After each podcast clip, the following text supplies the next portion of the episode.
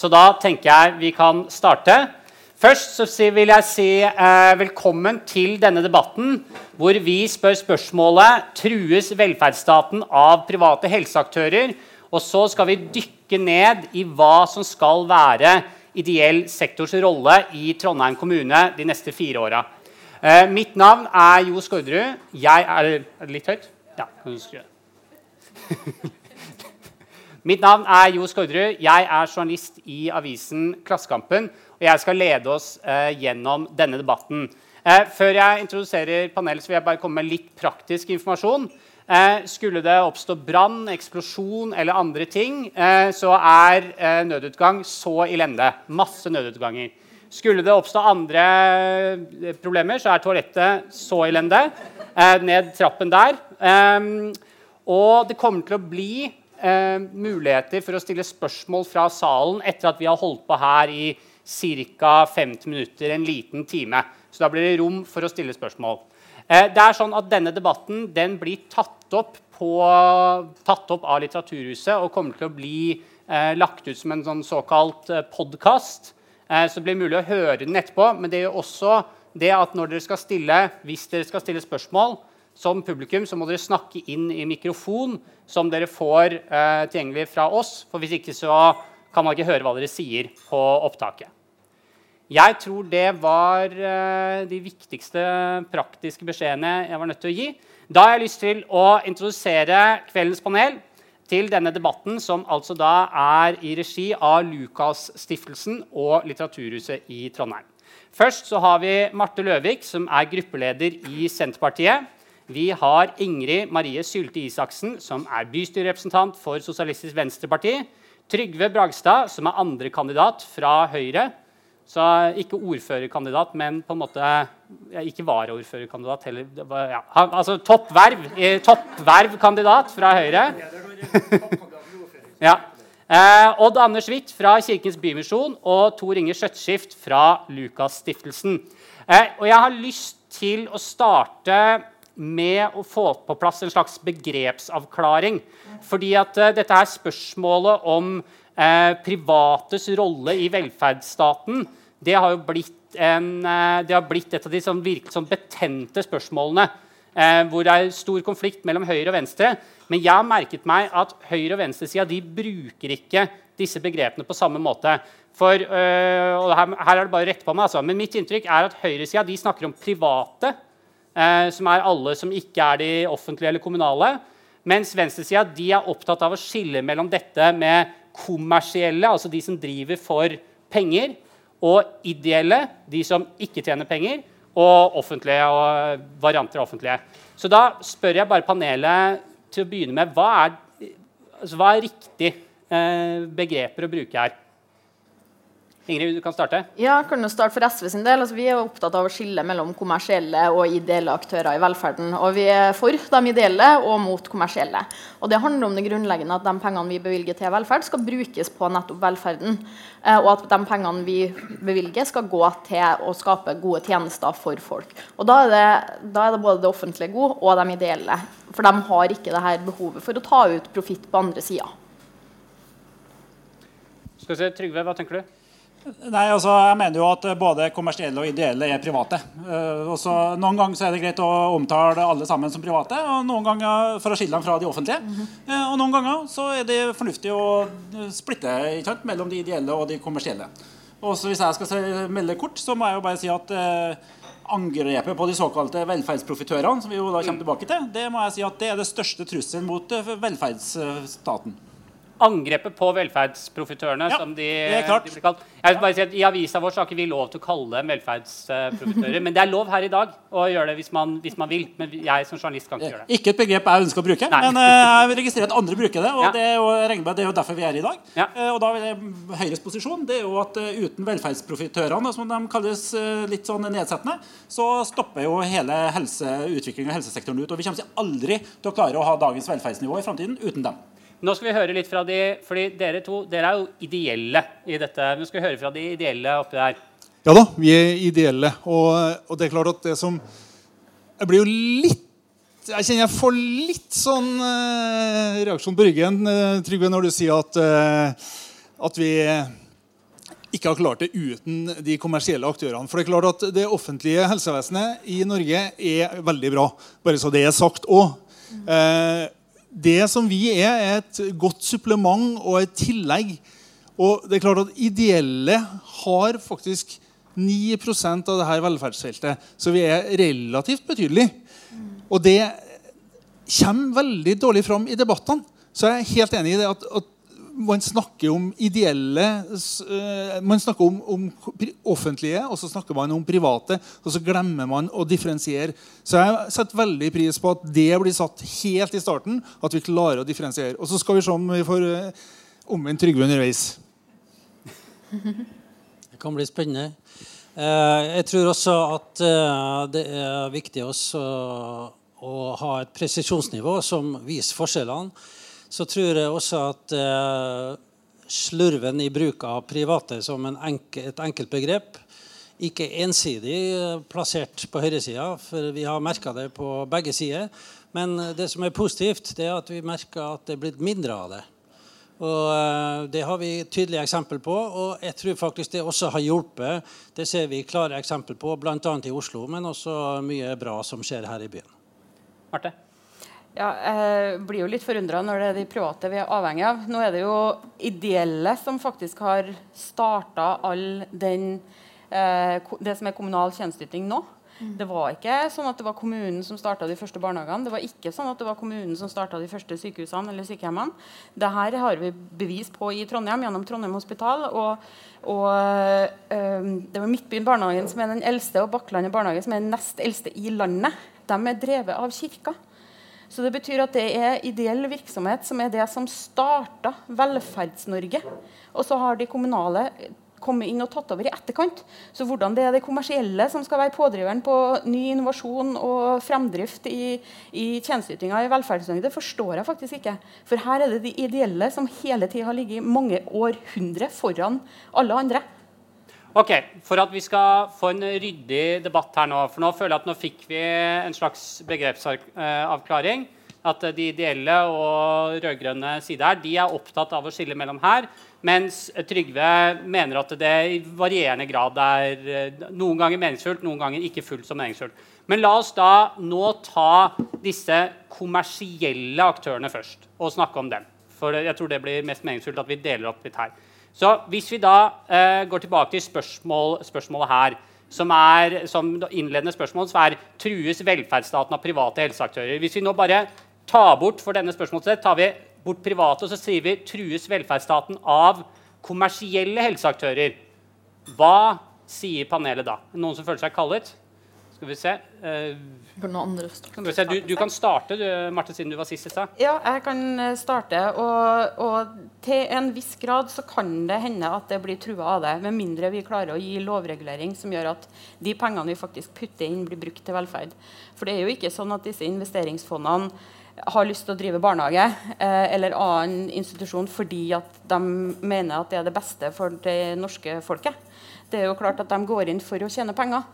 Men så er det sånn at eh, vi må differensiere også på de kommersielle. fordi at det da finnes faktisk f.eks. innenfor barnehage, da, spesielt innenfor barnehage, så finnes det da de enkeltmenneskene som har starta barnehage for å drive barnehage, men som ikke er en ideell stiftelse, men som er et enkeltmenneske som ønsker å drive barnehage. Og dem skal vi fortsatt ha, for det er en positivt supplement. Men så er det sånn at disse store investeringsfondene som har kommet inn, vil jeg si ikke er et positivt supplement inn i tjenesteytinga. De har et annet motiv enn det å faktisk drive den tjenesten. Mm. Vi tar deg, Ingrid. Ja, nei, altså, vi syns det har vært en bekymringsfull utvikling i det siste. Det er noe av det sikreste du kan investere i, er norsk velferd. Eh, for det har man jo sett at som de fondene Marte snakka om, jo de, de, går jo inn i norsk velferdstjenester og investerer i de selskapene fordi det ligger penger der. Og det mener ikke vi at det er sånn vi skal bruke skattepengene våre. De pengene skal sikres til brukerne og til dem som er avhengige av de tjenestene. Uh, og et strenge regelverk er det absolutt behov for. Vi kunne jo også sett for oss å gå enda hardere til verks og se hvilke selskapsstrukturer kan, eller modeller kan man ha for de enkeltindividene som ønsker å starte en barnehage med intensjonen om å drive en god barnehage. Men fordi bare Dere har åpna for å forby kommersiell drifts, mm. altså eierform eh, fullstendig. Ja. Så du må, være, du må drive uten profittbehov hvis du vil drive. Det er et forslag dere har lagt på bordet. Ja, Hvis vi får det som vi vil, så blir det sånn. Ja, hvis dere får det som dere vil. Ja, Trygve? Nettopp. Hvis, de, hvis, hvis Rødt og SV får bestemme, så er det altså nei til dem som eh, da tar ut overskudd, eller går med overskudd og profitt. Og som jeg sa innledningsvis, det vil være et det er antageligvis et av de største og mest alvorlige angrepene på den fremtidige velferdsstaten. For tenk dere det. Hva er det som er egentlig saken her? Du har en privat barnehage. da. De private barnehagene i Norge dette er godt dokumentert, de får mindre tilskudd fra staten. De leverer bedre tjenester. Og hvis de da i tillegg klarer å ta ut utbytte på toppen av det, hva er da problemet med utbytte? Eller er det for å snu det, er det utbytte som da er problemet? Burde ikke noen ha kanskje tenkt hvordan i all verden får de til å drive bedre med mindre penger enn de offentlige? Det er jo det som burde ha vært spørsmålet. Det er jo det alle sammen må sette seg ned og tenke. Hvordan skal vi lære av dem? Og det er der mitt poeng kommer. Dem, grunnen til at vi skal ha private, det er at de er flinkere til å være innovative og drive billigere. Og da skal vi ha et visst ikke, De skal ikke ha drive alt, men de kan drive 10% 15% 25% Sånn at vi har det med supplement, som Senterpartiet sier.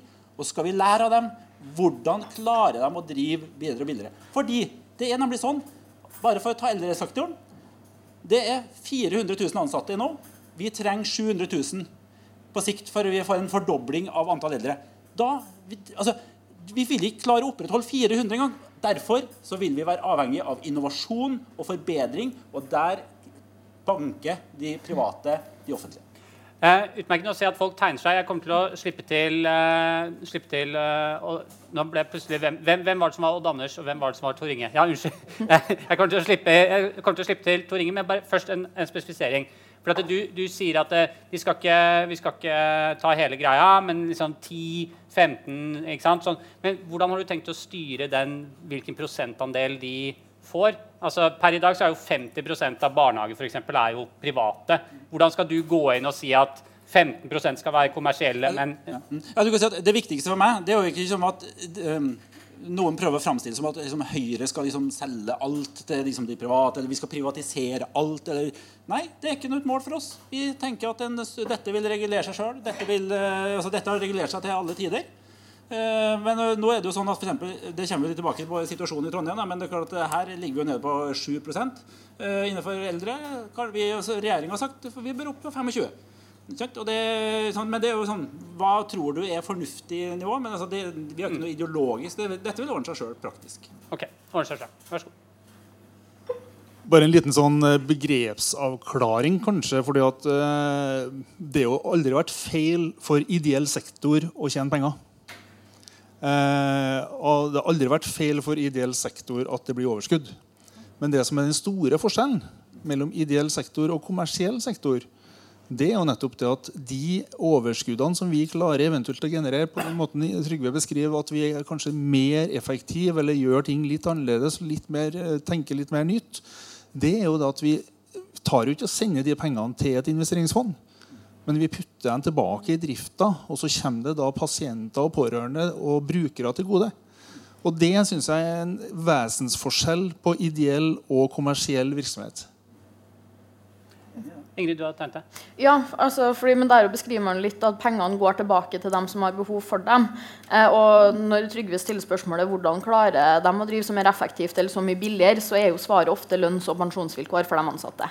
Det er ofte, altså, De største utgiftene innenfor helse og velferd er folk. Varme hender, kloke hoder. Eh, og det er ofte det handler om lønn til dem. Eh, og så snakker man om innovasjon her, som selvfølgelig er bra og viktig. Men vi mener jo også at det offentlige kan bidra i innovasjon gjennom å gi mer tillit til de ansatte. For det er jo gjerne tidligere ansatte som starter opp de her nye bedriftene. Men hvis vi klarer da å gi dem nok tillit i den kommunale jobben sin, så får de muligheten til å også utvikle ideene sine i kommunen, sånn at også det offentlige jobber for å bli stadig bedre. Trygve? Ja, altså, jeg er helt enig med SV at altså, det finnes mange gode eksempler på altså, eh, private virksomheter som har hatt dårlige arbeidsforhold, dårlig kvalitet, skandaler. Det er masse eksempler på det. Men hvis du privat, hvis du sammenligner privat og offentlig sektor, så er det ingen som har klart å dokumentere at de private gir mindre eh, tjenester for pengene. Det er ingen som har klart å dokumentere at de private gir dårligere kvalitet. Det er ingen som har klart å dokumentere at det er flere skandaler i private enn i offentlig. Og det er ikke dårligere arbeids... Ingen kan dokumentere at det er dårligere arbeidsforhold generelt. Eh, så liksom, eh, det finnes mange enkelteksempler i begge retninger. Bare ta Trondheim. Altså, det er 20 arbeid, sykefravær i, blant de offentlig drevne barnehagene. Altså kommunens egne barnehager. Tenk deg hvis det hadde vært en privat barnehage. Den hadde gått konkurs. Det hadde ikke gått an. Men det går faktisk an i Trondheim kommune. Da var jeg litt uh, slapp til å følge med her borte, så vær så god. Det går bra. Uh, jeg tenker uh, I tillegg til det her med hvordan vi tenker i forhold til motivasjon og bruk av overskudd, som også ideelle trenger for å forbedre tilbudet, så tror jeg det er et vesentlig argument at vi har et langsiktig perspektiv og jeg vil jo si På vegne av uh, de drivere som har et kristent formål, så har vi jo et evighetsperspektiv, så det hjelper jo litt, det òg. uh, det er nemlig viktig, viktig, for oss at vi ønsker å ta samfunnsansvar på vegne av grupper som gjerne ikke blir betjent av fellesskapet. Grupp, gjerne grupper som blir forsømt av fellesskapet. og der eh, syns vi i Trondheim at vi har et, eh, et, veldig godt samarbeid med det offentlige. Og vi skal huske på, uansett hvilke spørsmål vi stiller om eh, kommersielle eller ideelle aktører, så vet vi at det er de politiske organ som sitter med ansvaret. Så hvis det går gærent, så, så er det kanskje for romslige forhold i forhold til kommersielle aktører. Det er ikke vi som ideelle aktører som skal rope 'forsvinn'. Men uh, jeg tror det er vår oppgave å formidle, og det er en lang liste med de fordelene det er å bruke ideelle aktører. Ikke bare pga. den ideelle motivasjonen for å delta med samfunnsansvar, men også i forhold til den uh, merverdi vi kan bidra med på innsatsområdet. Jeg kan nevne ett konkret kort eksempel. I eh, Bymisjonen så er det altså 95 ansatte, over 900 frivillige. Fortell oss hvordan uh, offentlig eller kommersiell virksomhet som har noe i nærheten. Mm. Kort kommentar, Marte? Ja, altså, Det er helt riktig, og det er jo en av grunnene til at vi i hvert fall vi i Senterpartiet er utrolig glad i det ideelle. Fordi at man klarer å kombinere det med frivillighet på en måte som vi i kommunen ikke klarer. Mm. Eh, men så vil jeg jo si, du snakka om at uh, deres oppgave er evigvarende. Det er jo det som er grunnen til at uh, kommersielle også vil inn i barnehagesektoren. Sånn som vi har sett den veksten av. Det er jo for at det er en evigvarende konsesjon om statlige penger. Og det er, forstår man jo at det er, kan være en gullkanta konsesjon å få. Men for kommune og for barnehageeier så er det ganske utfordrende med to ulike lovverk som de da skal forholde seg til. Når vi nå i Trondheim har en nedgang i barnetallene, så er vi nødt til å da i, fjor, i år, da, for i fjor, som da har virkning i år, så er det da 200 færre barn som da er født. Det betyr 2,5 barnehage cirka, som vi må ta ned kun på kommunal sektor. Og Da er det utrolig utfordrende som eh, eier og som arbeidsgiver, som da bystyret er, å drive og måtte ta opp og ned de kun se på våre barnehager, fordi at de private har jo fått en konsesjon om å drive. Og da kan vi ikke røre dem. Og de har andre opptaksvilkår. De lever under andre forutsetninger. Men det gjelder også de ideelle? Altså, det gjelder alle av dem. De ideelle er like evigvarende? Det, er like de, evigvarende. Ja. Ja. Eh, men da må man gå opp og se på motivasjonen til å drive. Hvorfor er det man gjør det her?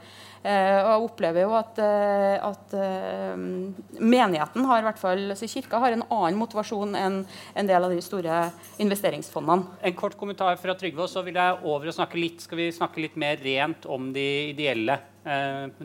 Ja, jeg, jeg, tror Det som forener oss tre politiske politikerne som sitter her, det er jo at vi har respekt for de ideelle og vil ha de ideelle. Og vi ser det de ideelle gjør. Altså det, det, har vi felles. Altså det verdsetter vi veldig mye. Men så vil jeg bare gi en liten kommentar til liksom, hvorfor, de, hvorfor vil de private inn? Dere sier at det er langsiktig. Men hva er det egentlig de private gjør? Når, når et fond da, investerer i barnehager i Norge, hva er det de gjør? Jo, de inngår egentlig et veddemål uh, på at den private barnehagen skal være bedre enn den offentlige. Fordi hvis de ikke er bedre enn den offentlige, så vil de jo ikke få lov til å drive. Så det sitter faktisk noen i utlandet som føler seg så bombesikker på at, skal, at, den private barnehagen eller den private omsorgsinstitusjonen skal de klare å drive bedre enn det offentlige. At de er villige til å satse pengene sine på det. faktisk. Tenk på det. Da, eh, ja, skal, Vi skal over til dere. Eh, men jeg bare vil spørre dere, siden for Nå snakkes det jo om disse store kommersielle og sånt. For dere ideelle, eh, opplever dere disse store kommersielle fondene som vi snakker om her, altså disse tunge aktørene, Opplever dere dem som en utfordring, trussel, mot, mot dere? Anders? Ja, faktisk i mange sammenhenger, men dessverre ofte med litt hjelp fra det offentlige òg. Vi uh, har uh, en god del kjennskap uh, til, ut fra egen erfaring både til skoledrift og til barnevern, for å ta to nærliggende eksempel. Og det er ingen tvil i mitt hode på at Eh, kommersielle motiv tillegges veldig stor vekt. Du kan si det på en annen måte at også det offentlige legger altfor stor vekt på kortsiktige økonomiske tilbud eller bud. For hvis vi ser på eh, lang sikt, så er det ingen problem for store kommersielle selskap å konkurrere ut en ideell virksomhet som har 100 års erfaring innenfor diakoni og nærhet og, og faglig betjening mm. av mennesker som trenger det. En kommersiell virksomhet har også i Trøndelag mm. vunnet konkurranser uten noe som helst papirer på faglig eh, portefølje. De må starte på scratch i Trondheim, og vi har eksempler på det her i rommet. Så hvis en aktør som Stendi, for eksempel, som er en skandinavisk eh, bedrift med 15 milliarder i årlig omsetning, bestemmer seg for å satse på rusomsorg i Trondheim, da sliter plutselig Bymisjonen. Altså for eksempel. Jeg kan ta et uh, konkret eksempel. Uh, kort òg. Um, da jeg var styreleder i et uh, styre for en barnevernsvirksomhet i Trøndelag, så var det konkurranse hvor ideelle og kommersielle satsa samme, på samme bord. Og det som skjedde da, det var at uh, Bufetat uh, sa at uh, alle de som har levert inn tilbud, de var faglig kvalifisert. Så nå handler det bare om å kutte i uh, det økonomiske tilbudet. Også meg tolka som det faglige tilbudet, for det er det som blir skåret ned da, når man leverer et edruelig tilbud. Det betyr at eh, de kommersielle kan konkurrere ut umiddelbart de ideelle med å underby, og så kan prisene stige senere. Da er den ideelle borte. Det er lagt ned. Eh, fagkompetansen er spredd, og det tar eh, kanskje 100 år for å få samme kvalitet. Det er trusselen. Tor Inge, og så Trygve. I forlengelsen av det Odd Anders sier, så uh, har jo vi også i Rukastiftelsen uh, veldig nærliggende eksempler på akkurat dette her. Mm. Marte Nikke og flere kjenner fra, fra nyhetsbildet. Med Betania Malvik, som uh, har drevet i siden 1945 si, med, med rehabiliteringstjenester. Og så med et lite pennestrøk i en anbudskonkurranse så, så går store deler av det anbudet over på på kommersielle aktører. Og det som, det som, skjer, er jo at man i utgangspunktet eh, da har et anbud der eh, det sies at vi har pris og kvalitet og beliggenhet som kriterier. Eh, utrolig nok så var ikke de kriteriene vekta.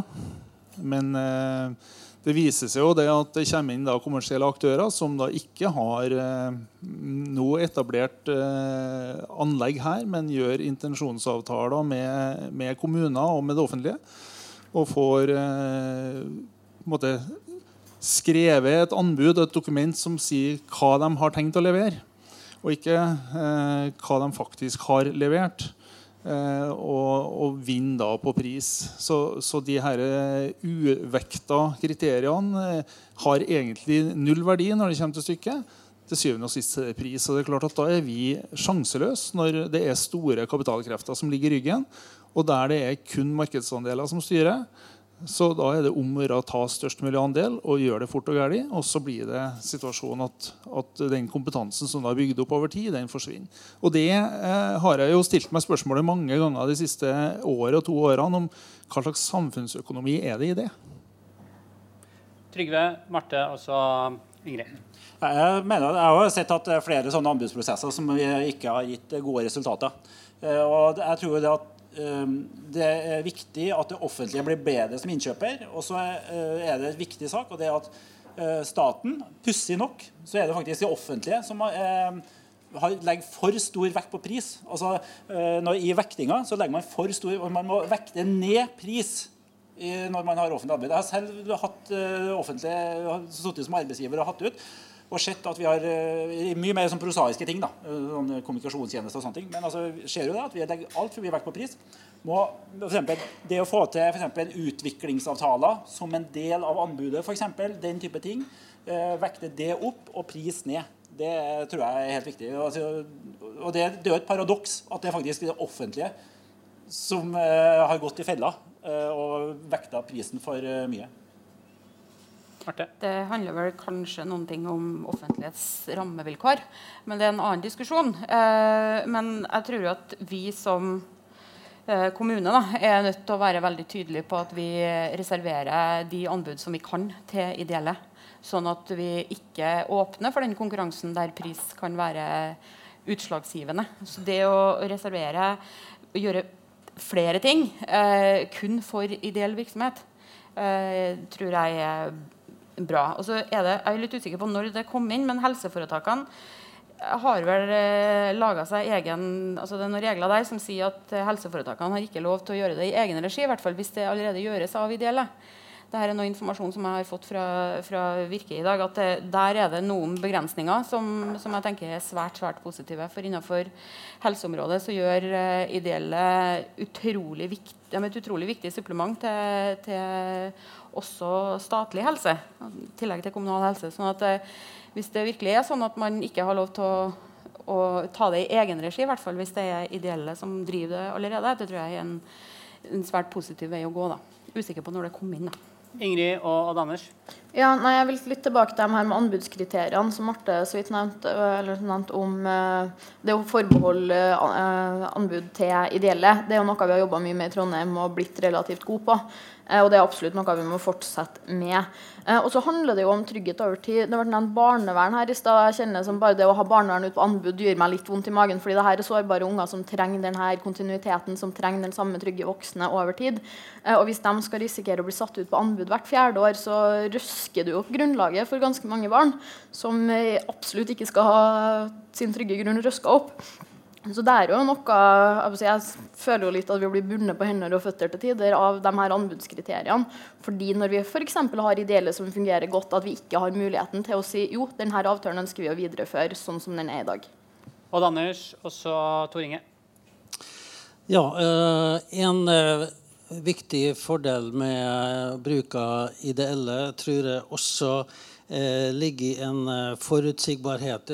Litt oppfølging av det som Tor Inge sa i sted. Eh, gjennom mange år så bygges det opp en tillit mellom det offentlige og det ideelle som eh, er en eh, viktig konkurransefordel òg, i den grad man snakker om konkurranse. Eh, jeg har lyst til, når det vært nevnt det her barnevern, å sitere en som het Bjørnar Moxnes de som vet det, Han sitter på Stortinget for Rødt. Han sier kommersielle truer mangfoldet. Vi ser også at de kommersielle skviser ut de ideelle i anbudsrunder i andre sektorer enn på velferdssektoren.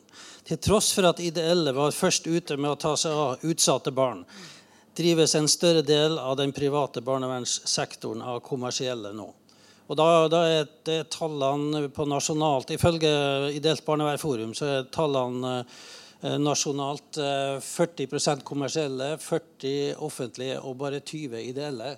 Så jeg vil utfordre politikerne til følgende, også i Trondheim. Eh, snu på saken i stedet for å se hvilke områder er det ideelle til nød kan få holde på med. Spør heller hvilke områder er det ideell sektor ikke kan få drive med. Tor Marte var inne på det her med helseforetakene og, og, muligheten til å ikke etablere konkurrerende tilbud. Og det har du henta fra Granavolden-erklæringa. Henta fra Virke. Det er Virke som har orientert meg, i hvert fall. Virke orientert deg, og det, og det, men det står der. Eh, for at, eh, Der står det veldig tydelig at eh, regjeringsplattforma bygger på at man ønsker å øke andelen av ideell sektor i, eh, i helse og, og velferd. Eh, og det de også har sagt der, er at de skal komme tilbake med måltall faktisk i statsbudsjettet nå i 2020. Så det er vi jo kjempespent på hvordan, hvordan det blir seende ut. Eh, og I tillegg til at man ikke skal bygge av konkurrerende tilbud til eksisterende ideelle tilbud, det, så er det at eh, helseforetakene oppfordrer til å ta med ideelle aktører inn i planarbeidet og utviklingsarbeidet. Og så har man også sagt noen ting om at innenfor institusjonsbarnevern så skal man ha 40% innen 2025. Dette er jo det som eh, regjeringsplattforma eh, styrer etter. Og, det som er interessant der, er jo å høre litt hva, hva tenker da eh, Høyre å gjøre med det sånn lokalt. Mm. Men det er, du, det, er veldig, det er, et veldig godt uh, oppfordring. Vi må ta og hente dette her litt lokalt. Men jeg vil bare si eh, det virker på meg som eh, etter noen innledende uenigheter om dette her med kommersielle aktører, så virker det som det er en rørende enighet om at alle ønsker at ideelle skal spille en stor rolle. Men så virker det også sånn at den enkleste måten å gjøre det her på, er jo nettopp å gjøre det som man har gjort i noen sektorer, og operere med sånne skjerma andel. Har jeg forstått det riktig som at det ideelle ønsker seg, er en skjerma andel til ideelle? Altså hvor det bare er ideelle som får lov til å konkurrere? Eh, eller er det andre ting? Og hvordan stiller dere, dere, Hvor stor bør den i så fall være? Og hvordan stiller panelet seg til eh, et sånt krav? Og, og, hva er en rimelig størrelse? da? Nå snakker vi fortsatt på nasjonalt nivå, så skal vi ta det ned til Trondheim eh, etterpå. Ja. Altså det, er jo, det, er jo, eh, gått noen runder på det her, så muligheten for skjerming er i hvert fall til stede. Sånn Rent juridisk så er det, er det avklart. Eh, innenfor alle sektorer hvor ideelle opererer? I hvert fall innenfor helse og omsorg. Helse og omsorg, der, ja. For å holde oss, holde oss til det som vi, som vi representerer. Eh, men, men, det er klart at vi har jo eh, Nei, nå datt det ut det som jeg skulle si. Beklager. Det er masse folk som vil snakke, så du kan komme på det og så si det etterpå. Odd Anders? Ja, altså Det er jo et større potensial. De prosentene som er laga nå, det er jo for å skape en dynamikk i rett retning. Og, og I så måte så er det ikke noe, noe fasittall på det. Men utfordringa var i grunnen det som jeg hadde i sted. Altså Det er mye, mye større plass til ideell sektor. Eh, hvis man tenker økonomisk, så får man mer igjen for kronebeløp. Det er ikke bare frivillig. Vi får jo, Senest i dag så kom det et dødsbo uh, til Kirkens Bymisjon. Og det er klart at det har en årsak. Det er noen som er blitt ivaretatt. Det er noen som er takknemlig. Uh, både av de som har gått bort, og, pårørende. Og man skal ikke kimse av det. Og så skal man heller ikke skryte av det, men, men vi skal testes på resultater. Vi skal testes på Eh, de verdier vi praktiserer. Og vi skal testes på også en ting som ikke er nevnt her. Eh, en økt kommersialisering og konkurranse eh, skaper jo dårlige arbeidsplasser. Lite forutsigbarhet for ansatte òg, som skal ivareta faglig omsorg og menneskelig omsorg over tid. Vi trenger også en trygghet for ansatte for at de skal gjøre en god jobb. Flott greier. Da har vi Ingrid, Trygve og så Marte. Og så tenker jeg at vi skal ta det lokalt. Så hold det, hold det litt kort, for vi må hjem til Trondheim òg. Ja. ja. nei, fordi altså, Når man snakker om andel og prosenter, det er veldig vanskelig å skulle gå ut og si et konkret tall. Uh, altså Det vi har stemt imot og vært imot hele veien, er jo det å sette ut kommunale tjenester på anbud generelt, også forbeholdt de ideelle. Fordi vi ønsker å drive det vi kan, og har drevet i egen regi, fortsatt i egen regi. Men i den grad eh, vi kan eh, erstatte kommersielle med ideelle, så er vi superpositive. Så det, så det er jo en differanse der, da. Trygve og Smarte. Ja, hvis det står i Granavolden-erklæringen, så er det jo riktig. Det er jo veldig fornuftig, alt som står der. Det jo, for det er jo regjeringsplattformen, så den er jo per definisjon genial. Det er ikke sånn det høres ut på Politisk kvarter for tida. De tar omkampa hele tida. Nei, men altså, som jeg, i forhold til det jeg sa før også, altså, det som er viktig for meg, det er jo at vi har en miks av uh, ideelle, kommersielle, rent kommersielle og offentlig sektor. Det tror jeg funker best. Uh, offentlig sektor kan gjerne være størst på noen områder. altså Noen områder er kanskje mest egnet for uh, offentlig sektor. Noen er mer uh, like egnet for kommersielle. Så liksom, jeg tenker liksom, Ikke lag en tvangstrøye for, med sånn skarpe prosentvis. Altså, bruk sunn fornuft. Altså. Det er faktisk veldig ofte veldig lurt. Så de ideelle begynte å rykke veldig fingrene. Dere skal få 15 sekunder hver før vi slipper det, Marte. Ja, det røkka noe voldsomt. For uh, hvis vi fortsetter som vi gjør nå, så er det klart det, det skjer mye bra. Men det blir ikke noe bedring hvis vi lar eh, kreftenes frie konkurransespill eh, rå her. Så blir det ikke noe økt andel eh, ideelle virksomheter her. Og jeg vil utfordre Høyre til å svare på det. Hvordan skal de sikre at det blir økt andel ideelle hvis man ønsker det? Eller er det det samme om de ideelle eller kommersielle? Der har du vært litt utydelig. Nei, altså jeg oppfatter vel at det var satt tall for ideell, ikke bare kommersiell. Altså, var... Hva mener du? Ja, nei, eh, nei, altså jeg må gjerne sette uh, helt klare sånn, uh, målkrav også for ideelle. Altså, at, det, var det, det, det, som er hele poenget mitt. At jeg mener, Dere har noen styrker. De rent kommersielle har noen styrker. Det offentlige har noen styrker. Jeg ønsker at alle de skal være representert. og så kan det være litt forskjell mellom ulike. Kanskje skal det offentlige ha større rolle i barnevern og en annen kontraktsform der enn f.eks. i noen andre tjenester. Og sånn er Det Det er forskjell på alle kommunale offentlige tjenester. Eh, hvem som er egnet for å være konkurranseutsatt på ulike nivåer. Så, men for sånn, eh, jeg er absolutt for at eh, altså, de frivillige og ideelle skal ha en viktig rolle. Det, Så skulle Tor Inge ha 50 sekunder? det er bare at vi, vi, har jo, vi, har jo, en situasjon hvor vi Nå oh, fikk jeg teppet igjen. det er helt greit, Tor Vi kan, ja. kan ta det igjen etterpå.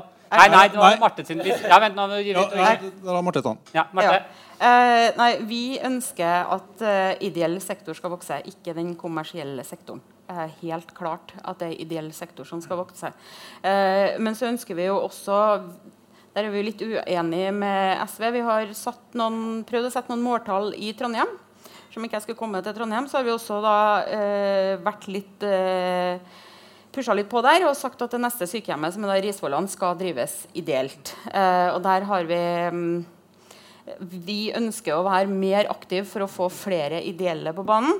Og så er det noe med nasjonalt lovverk som begrenser oss, rundt barnehage spesielt.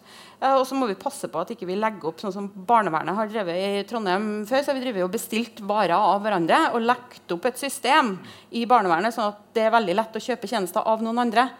Eh, sånn kan vi ikke ha det. Hvis vi driver og internfakturerer eller driver og rigger kommunale systemer eller offentlige systemer sånn at vi lett kan kjøpe av andre, eh, det tror jeg er svært uheldig, for det gir eh, dårlig forutsigbarhet for de barnet det gjelder i sluttbrukeren. da. Men jeg tenker nå, la oss ta det hjem til Trondheim, da. Fordi Marte, du, du nevner jo ting i Trondheim. Mm. Da tenker jeg vi kan starte også da med å få en slags sånn uh, oppsummering av status. altså for Hvordan er det? Jeg tror ikke vi kan forvente at alle som kommer hit, vet hvor stor andel de ideelle har av ulike velferdstilbud i Trondheim.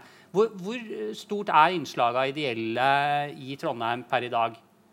Sånn cirka. Jeg trenger ikke på den, liksom, akkurat prosenten, men visst anslag. Ja? Ja, så Jeg har ikke prosenten, det har jeg ikke rukket å finne ut i dag. Men uh, vi har tre uh, sykehjem. Får da det fjerde, mm. som er drevet av uh, ideelle. Det er jo som sagt historie tilbake til 1177 med ideell virksomhet innenfor helsesektoren i, i, Trondheim. Så jeg vil si at den både er langsiktig og ganske forutsigbar.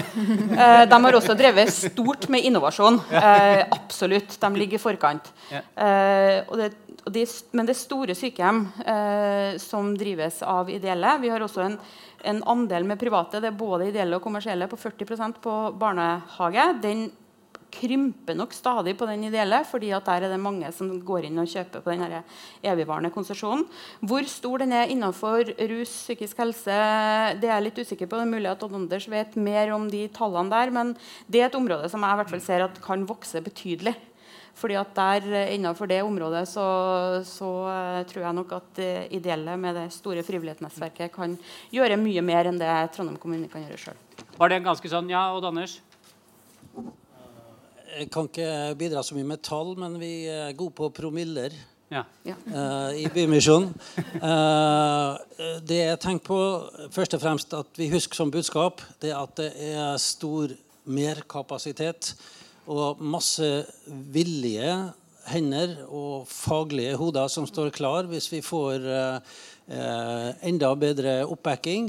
Så har vi i Bymisjonen for, for oss kort 23 virksomheter. Og det gjelder alle såkalte sårbare grupper, som andre i, i, hovedsak ikke tar seg av, men som kommune er det med oss at dette er viktig. Og del, delvis statlige myndigheter òg, for vi får penger der også fra. Er enige om at uh, vi bør satse videre på. Uh, noe av fordelen som også kommunen har, det er for det første så har vi evne til en rask omstilling. Når det var behov for for når det var den store trøkket når det gjaldt flyktninger, og de som var foreldreløse uh, og mm. kom til byen her, da, så kunne vi stille opp på kort varsel. kanskje at ja, jeg tror jeg skal si mye raskere enn kommunen gjør. Og så sier de til oss, alle de som er i våre sammenhenger, alle at uh, det er så mye lettere å gå til dere, for vi går dit frivillig. Vi er ikke sendt dit for å komme til behandling. De er sendt dit som et frivillig tilbud. Det er en lav terskel. Mm. Og så kan vi også være en brobygger til kommunale tiltak. Utmerket. Jeg stopper deg, Tor Inge. Det som er veldig gledelig, det er at vi ser at det er stor politisk vilje på å få aktivitet på ideell sektor hos mange i bystyret i Trondheim. Eh, Marte som sitter her, og Germund Lykke fra KrF har vært foregangspersoner i den sammenhengen og har gjort en formidabel jobb for å være med og legge til rette for at vi klarte å etablere et hospice, en lindrende enhet, på Malvik. Der har de eh, gått foran og sørga for at både med å vise politisk vilje og evne, og de har satt uh, handling bak ordene og klart å få igjennom uh, og hjelpe oss med å få igjennom et, eh, et vedtak, sånn at vi fikk starta opp det hospiset. Det vi ser der, er at uh, vi sliter litt med, med, evnen til å få uh, at Trondheim kommune bruker det tilbudet. Mm. Altså, det ligger i nabokommunen i Malvik, men det, er, det, er, ikke noe lenger til Malvik enn det er internt i Trondheim. så det, det, er relativt uproblematisk. Men men det er en eh, sånn administrativ motvilje. Så det har jeg lyst til å utfordre politikerne litt på. Hvordan skal vi klare å få faktisk brukt de tilbudene som, som, finnes av ideell sektor? Så er det, handler ikke nå om motvilje fra vår side. Vi skal gjerne etablere nye tilbud i Trondheim når vi ser behovene, og dere melder behovene. Så skal vi gjerne være med og, og sammen etablere de tilbudene. Eh, den utfordringen syns jeg politikerne kan uh, svare på. Men så kan dere også som et litt sånn overordna problem tenke på hvilke utfordringer er det uh, vi har i Trondheim i velferdstilbudene, og hvilken rolle ser dere for dere at ideelle kan spille der, hvis de skal spille noen større rolle enn i dag, eventuelt annerledes rolle enn, enn i dag? Og så kan dere heller få ordet flere ganger enn å måtte fullføre et fryktelig langt resonnement. ofte best sånn. Skal vi se, Trygve, du, hadde du lyst til å starte? Ja, eh, altså eh, Først må jeg bare si at jeg sitter ikke i bystyret i inneværende periode. så jeg kan ikke Men du alle, kommer jo til å sitte der eh, banna bein. Ja. Altså Andreplass på Høyre, da er du ganske banna bein. Hvis ikke ja, har det gått skikkelig dårlig. Hvis ikke jeg kommer inn, da, da sliter vi. Det kan vi bare fastslå. Um, men uh, jeg tror det viktigste er jo altså Hvis dere ønsker å bli brukt, så er jo det veldig enkelt. Altså, dere må sørge for at det kommer inn politikere i bystyret i Trondheim som faktisk er interessert i å bruke private, inkludert frivillige. Altså, det er jo punkt én. Det, altså, man, altså, sånn, Et Arbeiderparti som vel, har stemt mot faktisk stemte vel også mot Risvollan. Ja, ikke sant? Altså, Merk dere det. Altså, når det var spørsmål om at Risvollan det ene skulle legges ut til ideelle, så stemte Arbeiderpartiet nei. De skal nå samarbeide med Rødt og SV, som ikke har tenkt å bruke dere noe særlig, for å si det pent. Så uh, merk dere det når dere skal gå og stemme. uh, så vil jeg bare si at uh, det ene det er jo som, Hva kan vi gjøre? Vi kan, jeg mener, Hvis vi har 7 da, som er mitt tall da, på eldreinstitusjoner som ideelle driver i dag, altså det er ingen private. Altså, Vi hadde jo to stykker. Ja, du, ingen kommersielle eller ingen, ingen ideelle? Nei, altså ingen kommersielle. Ja. Altså, Vi hadde to. Ja. Sist jeg satt i bystyret for 16 eh, år siden, mm. da hadde vi to. De ble jo rekommunalisert, som det heter. Uh, så dem har vi jo ikke. ikke Selv om de var bedre likt og drev billigere. De ble rekommunalisert. Ikke sant? Uh, vi har Vi har ikke fritt brukervalg i Trondheim. Altså, det er Tre av de ti største kommunene i Norge har ikke fritt brukervalg. Trondheim er en av dem. Det er jo en motor for å få forbedring. at du kan faktisk, Hvis du ikke er fornøyd, så kan du gå et annet sted. For det hjelper jo ikke å ha klagerett hvis du ikke har bytterett. Skjønner dere den? Ikke sant? Du kan klage til kommunen i dag, men hvis du ikke kan gå et annet sted og få en bedre tjeneste, så er det totalt verdiløst. Men det er utmerket, Trygve. Du skal få si mer etterpå. Nå skal du slippe til litt andre her. Ja, Ingrid? Mm. Jo, altså på det å bruke dem ideelle, så Når det er et problem, så må vi jo absolutt uh, gjøre noe med det. fordi når vi først bruker og kjøper tjenester fra ideelle, så skulle det jo bare mangle at vi faktisk bruker dem. Eh, hva konkret vi kan gjøre der, er jeg litt usikker på. Det varierer jo fra sektor til sektor. Eh, og så har jo vi altså Vi stemte jo med Arbeiderpartiet på eh, Risvolland helse- og velferdssenter. Og det handler jo igjen om det her kommun eh, kommunale versus ideelle kontra debatten kommersiell versus ideell. Eh, og så er det mange tjenester som ideelle gjør. Jeg har jobba tett med Gatejuristen, som også er tilbud under Kirkens Bymisjon det siste året, hvor vi ser at de sliter jo fordi vi ikke har vært gode nok på å altså, gi nok penger, rett og slett. De sitter to stykk i dag. Jeg tror de har to og et halvt årsverk. Eh, ser på, ser på Kirkens Bymisjon for å få det bekrefta. Eh, og som jobber med jusshjelp til de vanskeligstilte i samfunnet vårt. Så dette er jo en sånn ting som kommunen absolutt ikke bør drive med, fordi de jobber tett opp mot kommunen med juridisk bistand. Eh, som er et kjempetilbud som de har, som jeg håper vi klarer å få forsterka den neste perioden. Marte og så Anders. Ja, eh, på, for å si det sånn, vi som har ivra for eh, dette hospitset og de løsningene som er der, så er vi jo ekstremt utålmodige og nesten litt sånn småsint på rådmannen når han hele tida nekter at man skal bruke det. Det vi må gjøre, er jo bare rett og slett å vedta at det skal man. Eh, og hvis da man bygger opp, som vi kanskje ser, da, at rådmannen velger å bygge opp et tilsvarende kommunalt tilbud, så er det jo vi som bestemmer budsjettet. Og da må jo vi ta ned det tilbudet. Sånn at hvis man ikke klarer å få det til med måte, gode intensjoner og de vedtakene som vi allerede har fatta, så må vi jo sette hardt mot hardt. For dette her mener vi faktisk at det er et tilbud som man skal ha i Trondheim. Og det er faktisk forskjell på i en sånn situasjon om du er på øya på sykehuset eller på Øya helsehus i en situasjon der en nær deg ligger for døden, eller om du er i Malvik i de omgivelsene som er der. Det gir en ekstraverdi som vi er interessert i å ta og bruke. Øya helsehus vil aldri ha de omgivelsene som dere har i Malvik. Eh, og Den verdien ser vi, og den skal vi eh, få til at kommunen gir til innbyggerne. For det er ikke sånn at det er en byråkrat som sitter rett opp mot rådmannen som skal bestemme at det er det tilbudet på øya som skal fungere. Her må man faktisk ha den valgfriheten når midlene ligger der for staten og eh, tilbudet er oppe og går.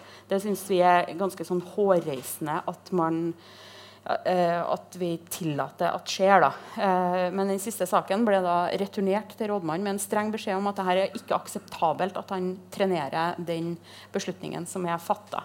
Eh, og så tydelig må vi dessverre være. og så vil jo kanskje da Trygve Brakstad si at ja, men da er det bare å innføre parlamentarisme.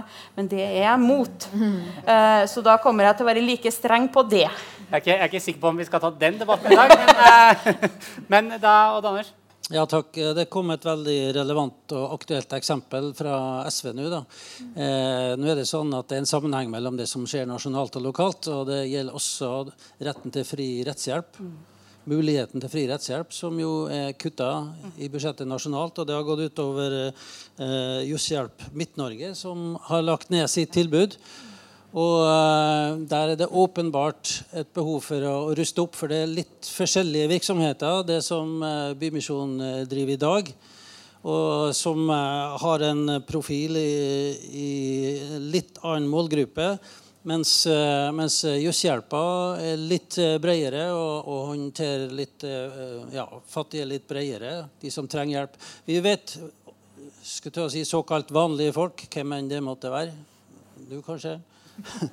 Eh, vi, vi, kan ha problemer med å finne frem i offentlig byråkrati, og kanskje ikke minst hvilke rettigheter vi har som kan skape trygghet. Eh, den hjelpa er jo et minimum som vi trenger å bidra med til, til de som eh, eh kaver og ikke får hjelp. Og den hjelpa ikke bare kan, men den er livreddende for mange. Men du, La meg bare spørre en ting. Hvis på en måte vi nå ikke tenker altfor mye på sånn anbudsprosesser og ikke sant, sånn eh, mikk-makk og detaljer, men hvor, hvis dere liksom fikk slå dere løs, hvor er det dere ideelle virkelig hadde Er det liksom noen sektorer hvor dere tenker at her kunne vi gjort mer? Her trengs vi sant, disse, her burde det vært mer av oss?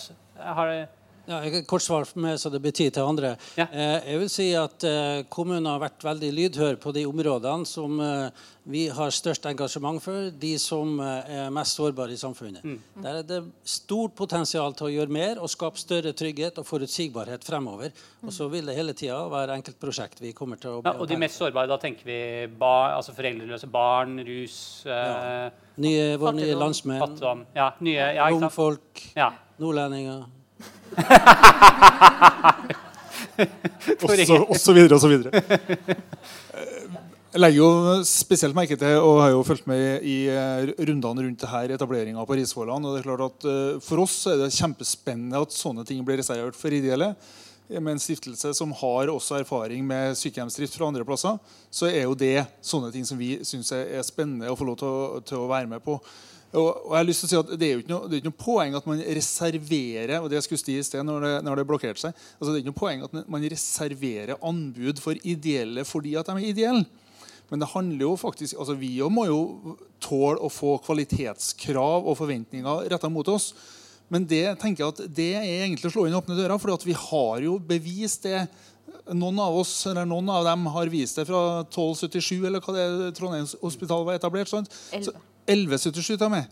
Så, så det, det, er, det, er, jo masse, masse muligheter, og vi, vi, er klar for å være med og, bidra. Bare, bare det legges rammebetingelser for at ideelle får lov, og ikke alt skal gjøres av kommunen sjøl eller settes ut til kommersielle. Skal jeg skal bare ta en liten sjekk. Ja. Er det noen i publikum som vet at de har eh, spørsmål? Det er veldig hyggelig med spørsmål. Hvis, kan, hvis vi kan flagge hvem som Da har vi én som vet at han har et spørsmål der. En som vet at uh, hun har et spørsmål der. Er det noen her borte som har noen spørsmål? Da kan dere tenke litt på det. Um, men vet du hva, da tenker jeg vi åpner opp for litt spørsmål fra salen. Og hvis dere har noe usagt, så skal vi klare å passe på å få inn det. Men vi vil gjerne ha inn uh, publikum, ja. så da slipper vi til uh, Herman i rød genser først. Ja, hei, jeg heter Jan Olav Straume. Tredje generasjons uh, trondhjemmer med solide røtter på landsbygda utenfor byen. Og jeg bestemte meg for å gå på denne debatten her. Det var tre stykker å velge i samtidig. Sånn er hver dag nå. Så tenkte jeg her endelig så er det sjanse til å kanskje få en debatt som er litt sånn ideologisk.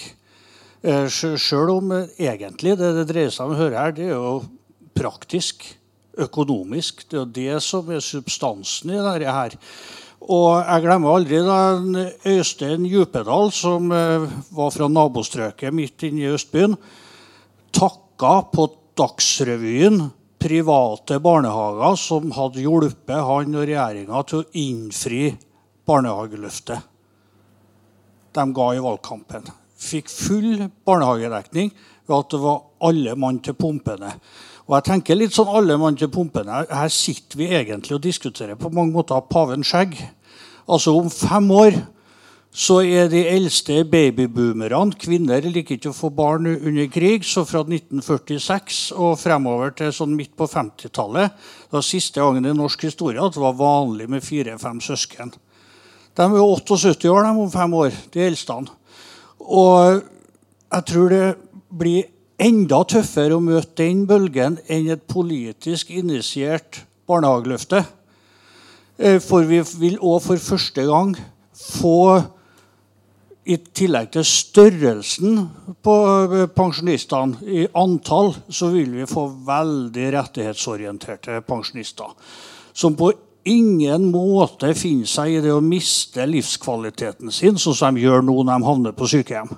Sjøl om de springer hælene av seg, de som jobber der, så er det, er det sånn minste felles multiplum. Ja, du, må, ja. du, kan fortsette litt. Altså, ja, jeg, et, jeg vil, dere skjønner hva jeg vil igjen? Ja.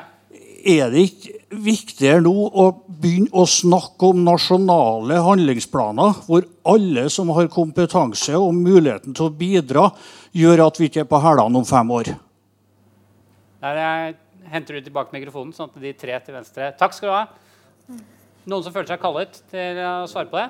Jeg kan, Marte? jeg kan eh, starte. Eh, som kommune så har vi jo lagt eh, en del planer som skal forberede oss. Vi regner jo ikke med at forhåpentligvis så trenger ikke de hjelp før de er eh, 90, de her. Fordi at vi legger til rette for at man skal da styrkes gjennom forebyggende folkehelsearbeid.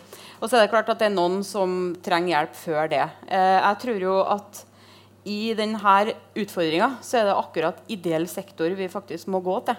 Fordi, som eh, Odd Anders snakker om, den forholdet mellom antall ansatte de har, og antall frivillige de klarer å mobilisere. Eh, for i en fremtidens eldreomsorg så må det her være en miks mellom dem som da er ansatt, dem som er frivillige, og oss som er pårørende. Eh, for hvis ikke så klarer vi faktisk ikke å få det til. Og det å tro at kommunen eller staten skal klare å rydde opp i det her, det er ingen tro på. Her er vi faktisk nødt til å stille opp sjøl. Som er jo et sånt barn av eh, en, eh, en, sånn etter sånne, sånne ja, besteforeldre som har fått barn etter krigen. Eh, og ser at eh, om 20 år, når min far er da 91, så er det klart at jeg er nødt til å stille opp mye mer enn det man eh, har måttet gjort før. Sånn at den sammenhengen mellom eh, dem som er ansatt, dem som stiller opp frivillig, og pårørende er vi nødt til å få til for å møte akkurat denne babyboomen. Trygve også, Anders. Ja. Jeg slutter meg jo til det Marte sier, og så vil jeg legge til Og så trenger vi i tillegg de kommersielle. Og Da vil jeg bare gi et eksempel. Fordi Eh, vi har jo en kommersiell virksomhet her i Trøndelag som eh, har spesialisert seg på å gi tilbud til demente, sånn at demente kan bo hjemme lengre. Og lage nye løsninger, ny teknologi for det. Hvis de kan sørge for at de som får demens, kan bo hjemme to år lengre, ikke sant? tenk dere hva det vil bety for eh, offentlige budsjetter. Jeg starta innledningsvis med å si hvor mangel vi kommer til å ha på sykepleiere og alt mulig rart helsearbeidere.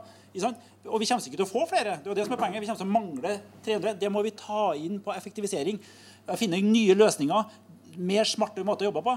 Og der er de private flinkere. Da må vi sørge for at de bedriftene som klarer å lage, være innovative, lage sånne ting, de skal, må ha ressurser. De må være en del av dette, i tillegg til de ideelle og de offentlige. Odd Anders og Ingrid. Flere hundre av de ideelle vi har i, i, staben, for å kalle det, i eh, Trondheim, i Kirkens Bymisjon, er såkalte eldre. En enorm ressurs. De følger opp ikke minst virksomheten borti Vår Frue. Og, ja, den det litteraturhuset her drives av frivillige ja. altså, ikke, ikke, bare eldre, altså, men uh, også eldre. Ja. De, de som er skikkelig voksen og, og uh, har visdom og klokskap, men også hjerte.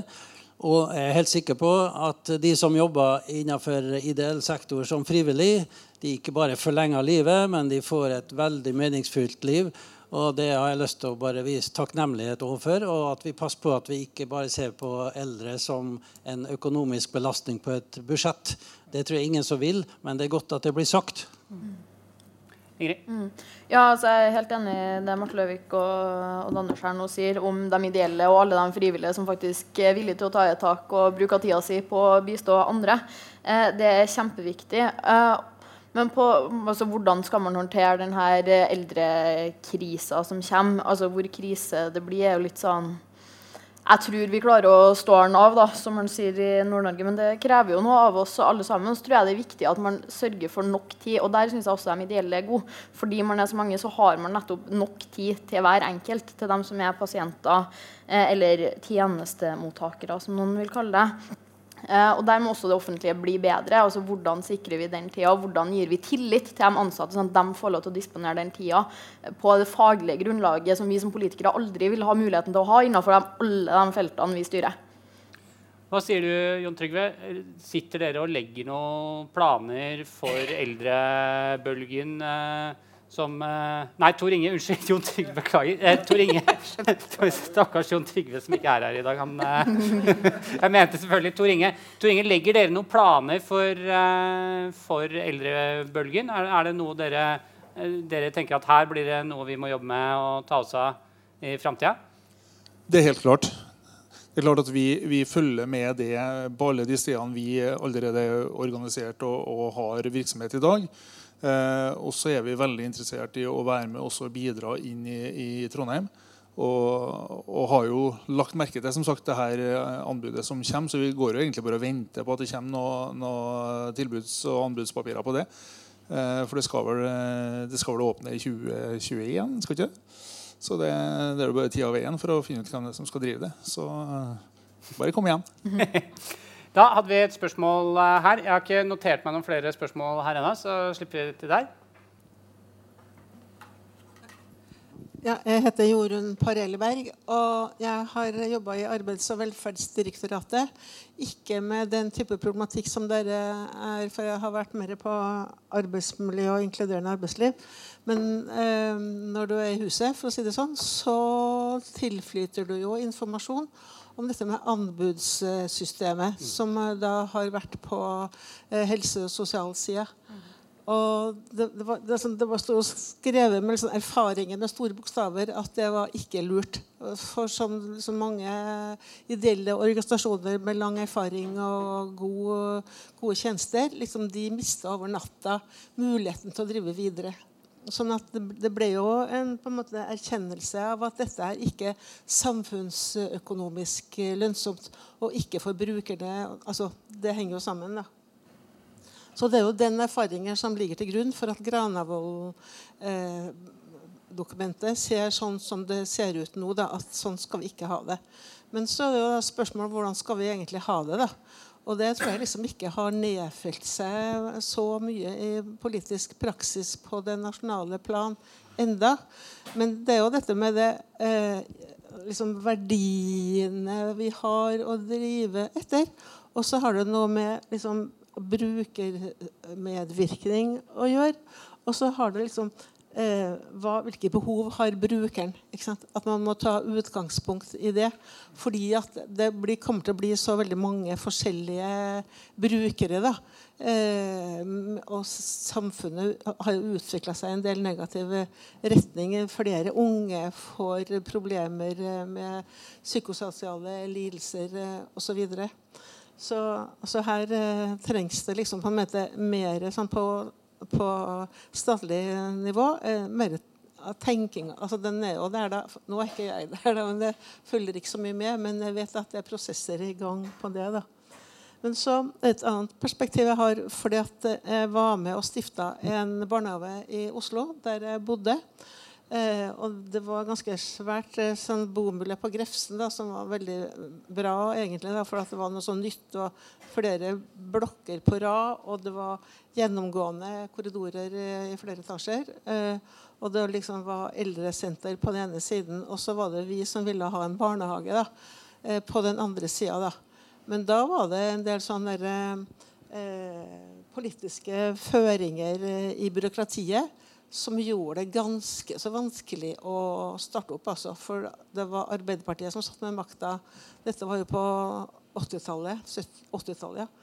Og da, eh, da, var det liksom Jeg jobba i Familiedepartementet den gangen. Det, og en annen hadde jo erfaring med eh, planlegging eh, altså, planleggingssektoren i Oslo kommune. sånn at de hadde jo den kompetansen for å få det til til slutt. da. Da hadde jo Husmødres barnehage den gangen som drifta De ville ikke ha det, for det var så mye ombygning som måtte til. da. Men den barnehagen drives fortsatt med fire avdelinger. Og det har jo, nå er det på private hender, da. Mm. Mm. Og da, eh, da, er det, det liksom, ser jeg det er ikke bare bare, liksom. Det er, det er mye sånn der, inntjeningsproblematikken som kommer inn der, da. Men det er mye bra òg.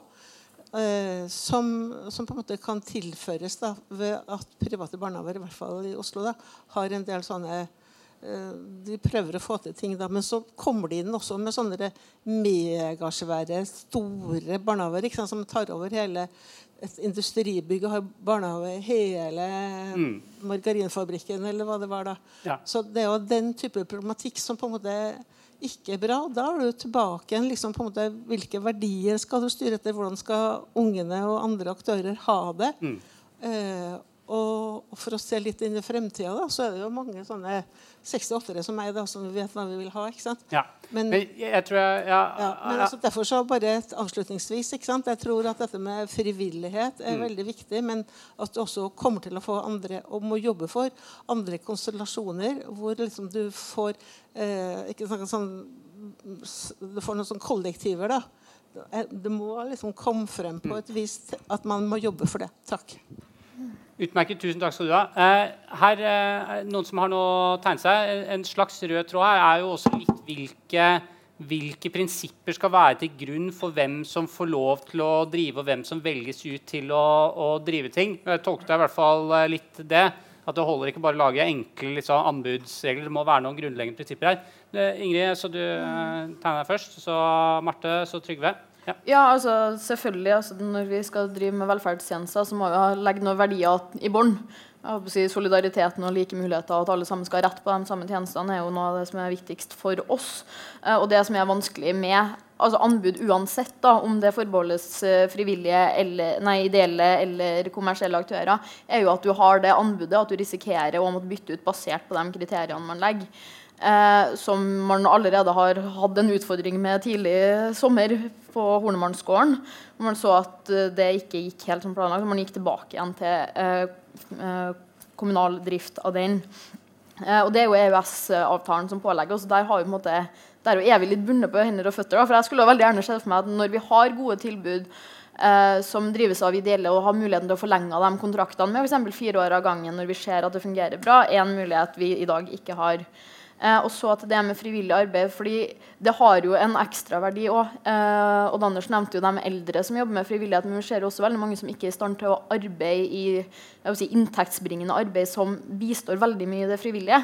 Eh, så de gjør jo noe rett der man klarer å hente ut en arbeidsevne og gi en mening i hverdagen til dem som ikke har muligheten til å delta i det her standard arbeidsmarkedet, som er utrolig viktig i samfunnet vårt.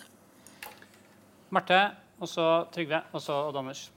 Det er jo uh, litt forskjell på ulike drivere her. En barnehage er da lettere for en enkeltperson å starte opp. Uh, trenger ikke å være ut på anbud på den måten. Vi har enkeltstående barnehager i dag som er privat eid av den ene personen som er styrer.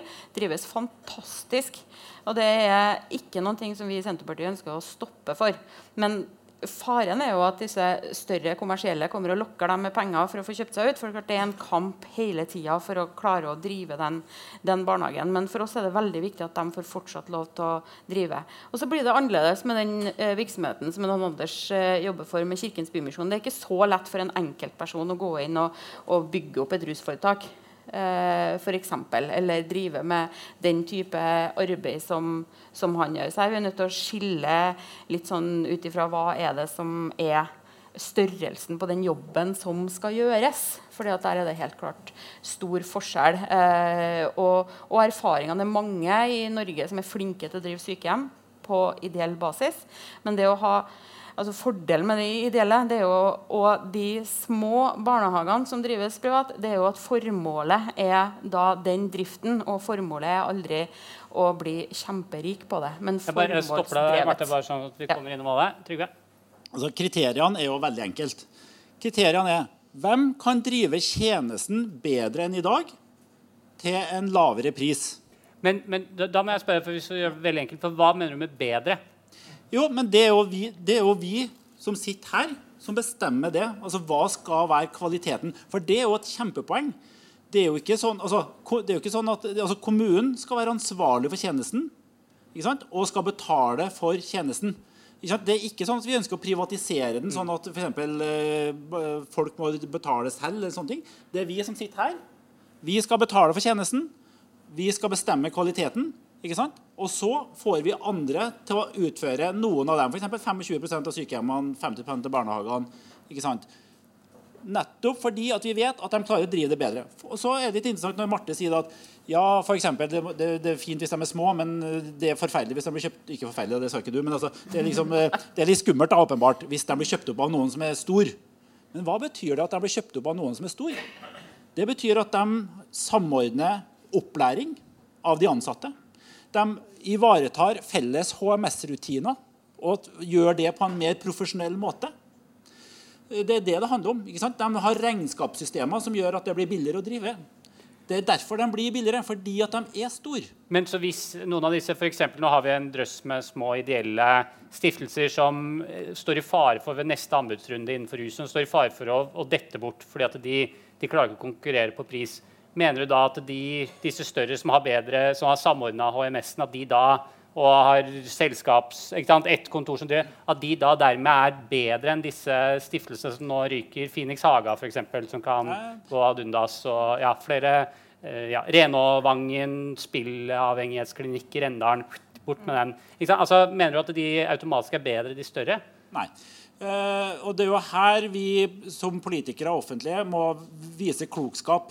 Og så finnes det mange eksempler på at vi ikke har vært kloke og har gjort eh, dårlige anbudsprosesser som har gjort at det her har gått eh, skeis og dårlig. og sånne ting.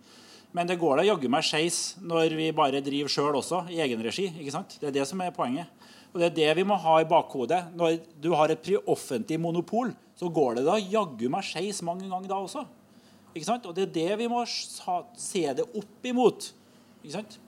Eh, og da er det sånn at uh, vi kan lage konkurranseutsett sånn som vi favoriserer de ideelle og de langsiktige, seriøse. Men så må de av og til finne på at ok, hvis ikke de klarer å drive effektivt, så må de faktisk risikere av og til å bli bytta ut, dem også. Mm. Det må være et incitament for dem. Men det, her må vi lage balansen. Ja. Og Anders?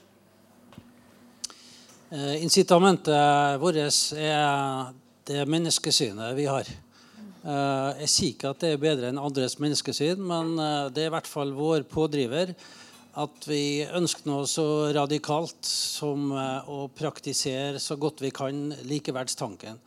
At ingen mennesker er mer verd enn andre, og at vi må bruke Når vi ser oss rundt, så ser vi at vi må bruke mer ressurser på de som tråkkes på rundt omkring, og de som har falt i, eh, inn i sammenhenger som mer eller mindre er tilfeldige og kommet veldig uheldig ut. Det er mye som skjer i livet som uh, man ikke direkte kan forklare som et bevisst steg. Og jeg tror det er mange av de som, uh, som venter på oss. Og jeg tror også når man snakker om kommersielle og ideelle drivere, så, så vil ikke jeg svartmale kommersiell drift heller. Men uh, jeg, jeg, tror det er viktig at vi har en verdidebatt om uh, hvor kommersiell drift uh, kan være, ha minst risiko. da. Det er et minimum man bør kreve for debatten. Så tror jeg sjøl at områder som f.eks. barnevern jeg tror det er et godt eksempel på hvor kommersielle aktører godt kan vendes ryggen. Mm. Da tar vi kort kommentar fra Marte og kort fra Ingrid, og så har jeg en ny utfordring til dere etter det. Og så får vi et spørsmål her borte, så Hold det kort, så rekker vi å få spørsmål ja. derfra. Nei, er Totalt enig med det Anders, Anders Witt sier her. Altså det å, Enkelte områder passer faktisk ikke å gjøre kommersielt. Eh, fordi at det handler om menneskesynet. Det handler om, om eh, hva som ligger i ryggen til dem som er, ønsker å starte opp det her. Eh, og jeg er jo bekymra for hvis man altså du kan si i, Hvis helse f.eks. blir et produkt, så hva er det det offentlige altså hvis du går til USA da, hva er det det offentlige sykehuset holder på med, og hva er det private sykehus som man betaler seg inn på, holder på med? Hva er det man sitter igjen med? Man sitter igjen med mennesker som ikke har muligheten til å betale for seg, med kompliserte sykdommer som man heller ikke har muligheten til å hjelpe til på mens noen har kjøpt seg inn et annet sted. Sånn at jeg er bekymra for hva vil dette bety for tjenestetilbudet hvis vi, hvis vi da gjør at øh, alt skal privatiseres da, og settes ut på, på, et kommersielt anbud, hva vil da kommunen sitte igjen med? Hvilke rom ja. har vi til å drive tjenesteproduksjon da? Kommunen Hvem sitter igjen vi? De, de, vi sitter igjen med de vanskelige, ikke lønnsomme, ikke lønnsomme oppgavene. Ja, det det eh, og Danders, han, det, Kirkens Bymisjon jeg tror ikke det en privat, det er ikke noe penger å tjene på det å jobbe med de aller svakeste, de som ligger godt nedpå gulvet mens vi andre går rundt og har det fint. Altså, det, er, det er min store bekymring, og der er, det er viktig.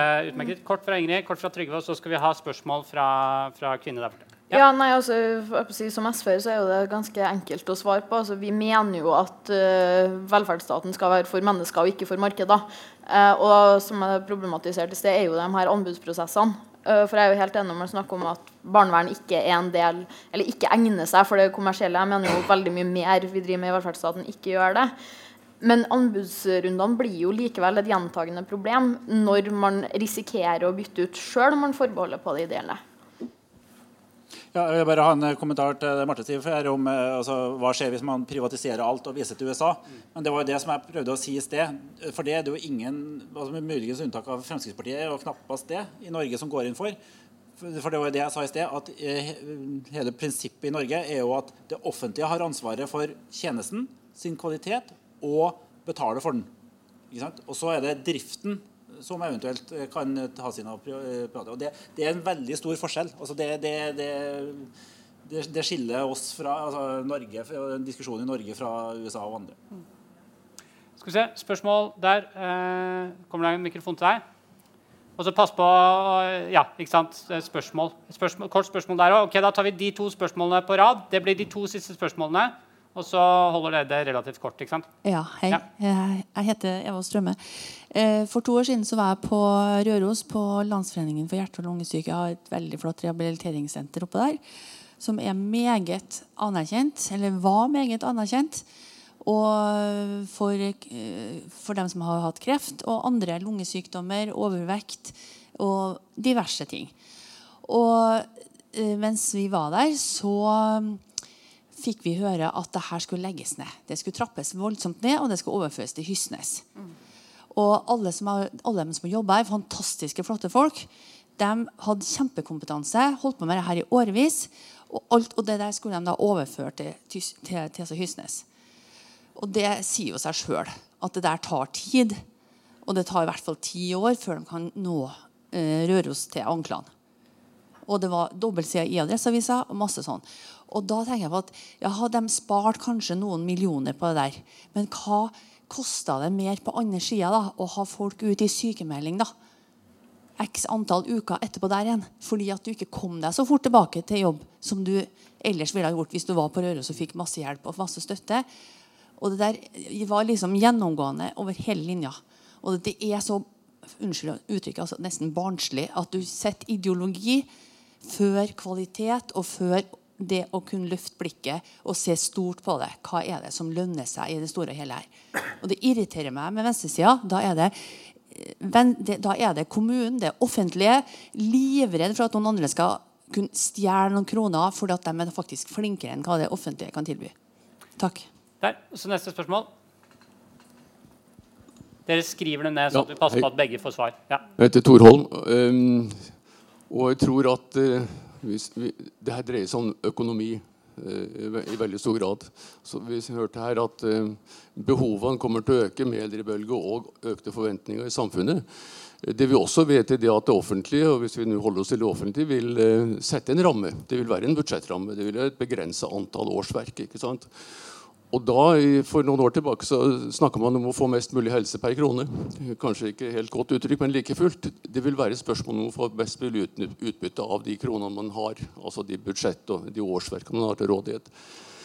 Og jeg tror personlig at det kan gjøres eh, like effektivt i det offentlige som i eh, privat eller kommersiell som i ideell. Spørsmålet hvem er det som gjør det? Hvem har de sterkeste drivkreftene til å gjøre det her? Så um, mitt spørsmål er jo da til de ideelle organisasjonene. Um, hva har dere å tilby? Kan dere tilby å si at dere gir maksimalt eller noe bedre per, per krone helse eller ytelse innenfor det området som dere har? Det andre er jo da det her med konkurranse. og Man snakker da om hvor sårt det er å bli utkonkurrert av private kommersielle. Men la oss nå ta um, tilfellet Risvollan som det nå snakkes om, som skal forbeholdes ideelle. Eh, og Da vil det jo være sikkert flere ideelle som konkurrerer om samme mål. Så spørsmålet da er det bedre å bli utkonkurrert av en annen ideell enn av en kommersiell? Der kom det spørsmål. Vi kan ta, starte, Det var to spørsmål. Det er viktig at begge to får svar. Så vi kan starte med spørsmål nummer én. Marte?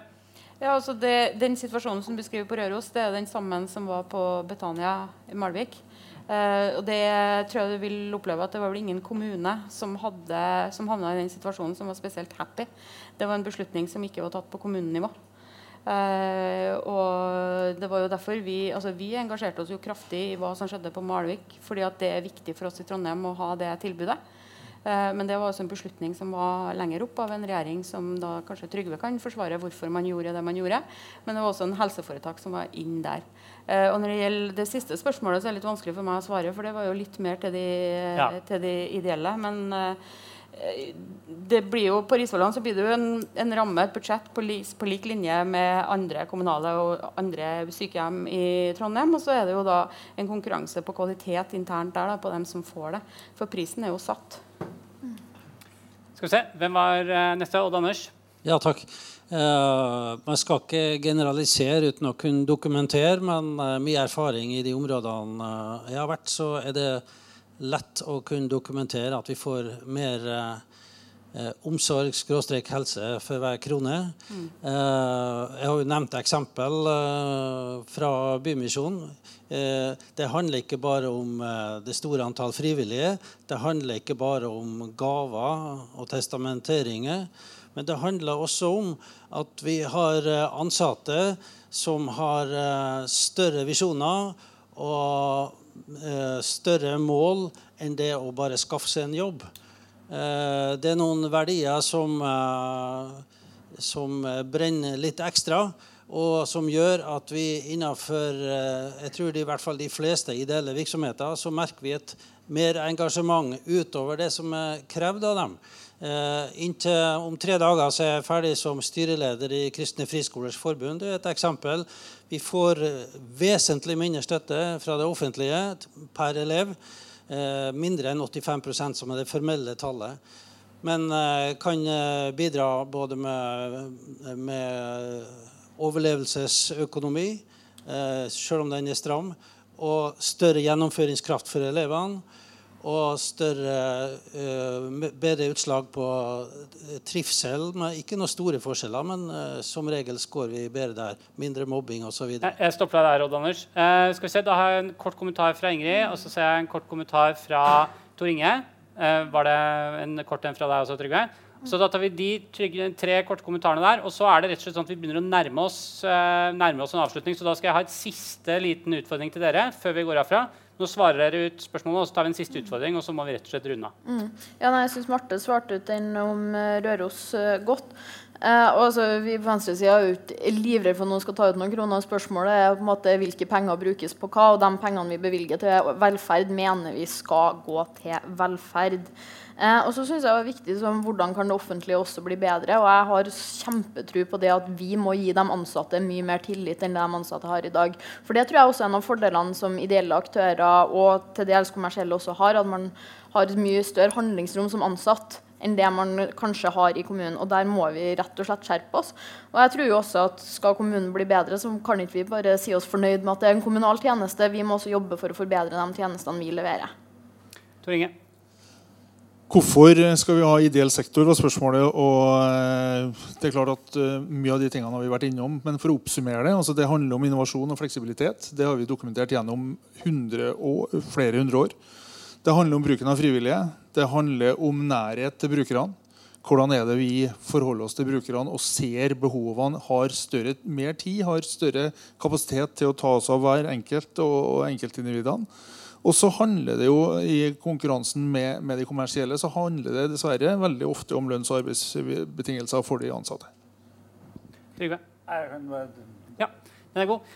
Ok, eh, Helt til slutt så har jeg lyst til å gi dere liksom ett minutt hver til dette. Det er eh, ofte bra på slutten av en sånn debatt når vi skal gå hjem og huske hva var det vi hørte. Hva tenker dere er de viktigste tinga, de viktigste lærdommene vi skal ta med oss hjem fra denne debatten? Da står dere ganske fritt. Og så skal jeg la jeg tror jeg skal la de ideelle komme til slutt. Ja, siden okay. de eh, Kan vi starte med deg, Marte? Ja, så jeg får minst tid å tenke på. Ja, du, eh, du, må, bare, du må, bare, begynne å snakke nå. Du har gått ti sekunder. Ja. eh, nei, altså, for oss så handler det jo om den merverdien som du får ved bruk av ideelle. Eh, I et jubileum til SS, Kirkens SS som jobber mye med selvmordsforebygging, eh, så snakka jeg om eh, eller ble utfordra om kommunen kan vise kjærlighet. Og Det er jo et relevant spørsmål når man snakker om helse- og omsorgsoppgaver. Og Det mener jeg jo at en kommune kan. Og så mener jeg at de ideelle kan strekke seg enda litt lenger i det kjærlighets- og omsorgsbegrepet, fordi at man har den frivillige biten som faktisk da strekker seg enda litt lenger enn det den kommunalt ansatte gjør når den går hjem fra jobb klokka fire. Ja. Ingrid? Ja, uh, det er litt vanskelig å skulle oppsummere alt. Altså, de ideelle har utvilsomt en viktig rolle i samfunnet. Jeg nevnte jo i sted at jeg jobba tett med uh, gatejuristen, og ser jo det viktigheten av å ha noen som står litt utafor kommunen, og som kan bistå oss når kommunen gjør feil, og som kan bistå dem som trenger at noen tar de kampene for dem. Eh, og jeg ser jo også mye at den jobben som bl.a. Kirkens Bymisjon gjør, er så utrolig viktig for de svakeste i samfunnet.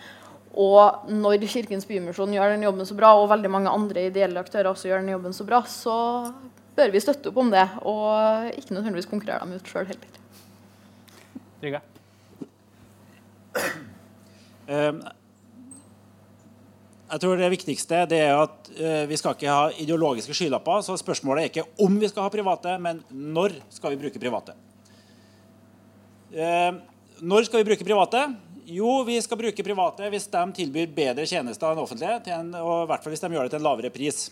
For hvis de, gjør det en, og hvis de da klarer å ta ut utbytte i tillegg, så er ikke det et problem. Fordi det er ikke da slik at vi får mindre for pengene. Det er jo det som er det poenget. Vi får mer for, for pengene. Og det er ikke som sagt, det, som sagt, det er ikke dokumentert at de private, eh, også selv de kommersielle, har dårligere kvalitet, ikke flere skandaler, ikke dårligere arbeidsforhold. Eh, de har lavere sykefravær, f.eks. Så det er det viktigste som jeg håper at dere tar med dere hjem. Uh, og så må jeg bare avslutte med for Jeg har jo vært inne på at uh, vi start, innførte jo to private sykehjem i Trondheim som jo da ble rekommunalisert.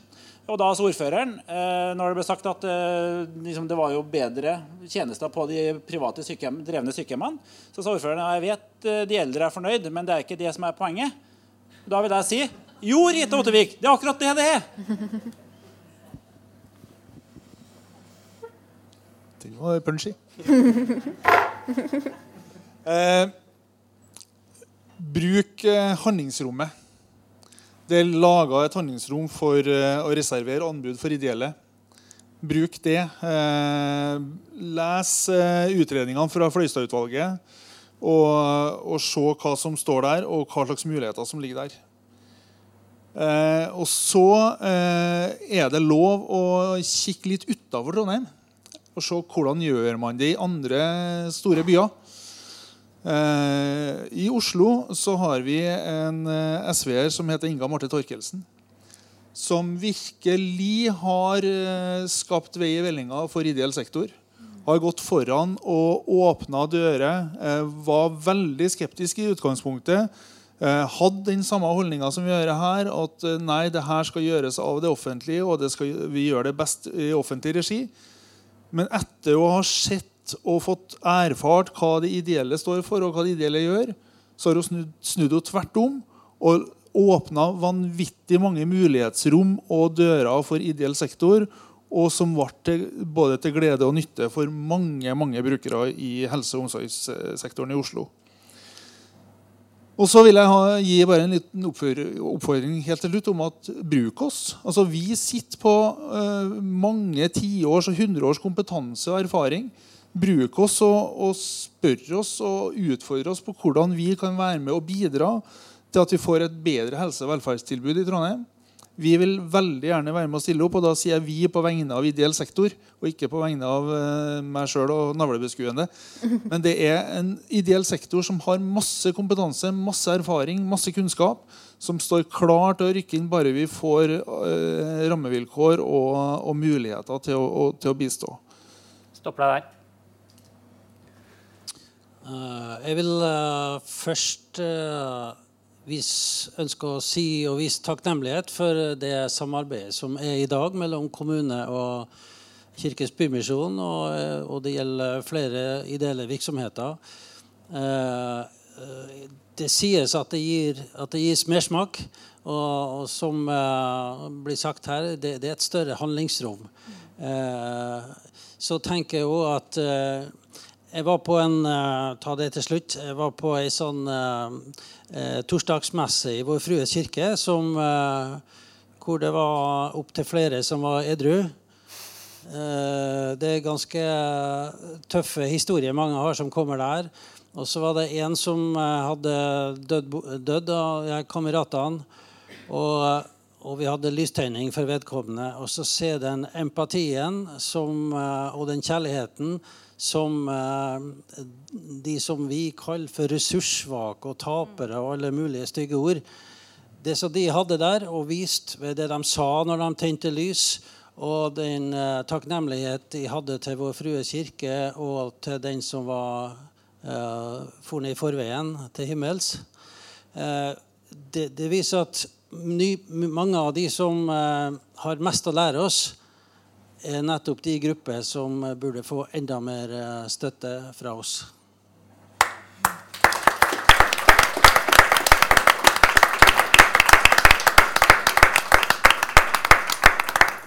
Da sier jeg tusen takk til publikum for gode spørsmål og innlegg. Jeg sier enda mer tusen takk til eh, panelet for utmerket innsats. Og så sier jeg takk for meg selv, Jo Skårderud, ordstyrer fra avisen Klassekampen. Og tusen takk til alle dere som kom hit i dag. Det syns det ble veldig flott, eh, flott å høre på dere. Ok, ha det bra.